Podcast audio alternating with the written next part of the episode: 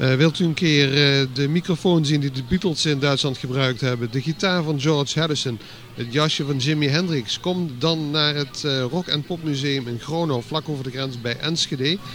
Bei uns im Hause können Sie nicht nur Udo Lindenberg, der die Idee zum Museum hatte, erleben mit verschiedenen Exponaten, sondern Sie können sich auf eine Zeitreise begeben durch die gesamte Musikgeschichte. Von Marlene Dietrich bis zu den Beatles, über Elvis, bis natürlich auch in die 90er Jahre hinein.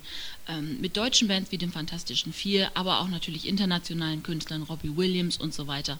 Also wenn Sie einen bestimmten Künstler suchen, kommen Sie ins Museum. Sie finden sicherlich viel zum Hören und viel zum Sehen. Ich möchte Sie alle ganz herzlich einladen, uns im Rock- und Pop-Museum in Gronau zu besuchen. Ähm, Sie finden weitere Informationen unter der Internetadresse www.rock-popmuseum.de. Was können Sie bei uns erleben? Ja, wir erzählen die Kulturgeschichte der Popularmusik der letzten 100 Jahre auf sehr multimediale Art und Weise. Sie können erleben, Sie können fühlen, Sie können hören, Sie können anfassen. Etwas ganz Besonderes und nicht der übliche Museumsbesuch. U hoort zo meteen Sabine die u vraagt om naar het Rock and Pop Museum in Gronau te komen. Gronau ligt vlak over de grens in Enschede. En wat er allemaal te zien en te horen is, dat zal zij u vertellen. Uh, Sabine, we zijn nu in een grote ruimte in het uh, Rock and Pop Museum. Wat kunnen wij hier doen? Wir befinden uns hier in der großen Veranstaltungshalle unseres Hauses. Die ist zum einen Bestandteil der Dauerausstellung, kurzfristig umbaubar für Konzerte und so weiter für bis zu 800 Leute. Im Moment sehen wir hier aber unsere Kinderaktion Klangkanal. Das sind über 80 Meter Abflussrohre, die umgebaut wurden zu Instrumenten. Die wurden mit Fellen überzogen und hier können Kinder trommeln, wie sie möchten und sich ganz einfach austoben.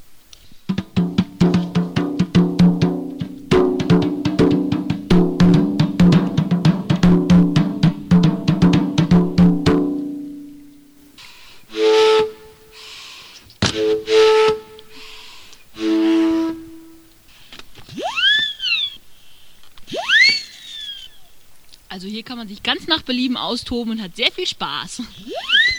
Je kunt hier uh, eigenlijk leren en, en beleven hoe geluiden klinken. En de akoestiek is hier ontzettend uh, goed. In einem Rock- und Pop-Museum hört Salonmusik. Sehr klassiek. Genau. Ähm, das ist im Grunde genau der Ansatz, den wir haben, sondern wir erzählen nicht nur Rock- und Popmusik, die Geschichte der Rock- und Popmusik, sondern wir erzählen im Grunde die Geschichte der Popularmusik. Und ähm, zu seiner Zeit war die Salonmusik natürlich auch durch die Möglichkeit der Vervielfältigung der Noten zum ersten Mal auch in diesem Moment populär. Und das ist im Grunde unser, unser Anfang der Geschichte. We zijn in uh, Gronau in het Rock Pop Museum en we krijgen eigenlijk van Sabine een rondleiding. Zij vertelt dat uh, als we hier binnenkomen dat we eigenlijk hele klassieke muziek horen. Die eigenlijk ook de voorloper is van de echte rock- en uh, rollmuziek van de jaren 70 tot nu.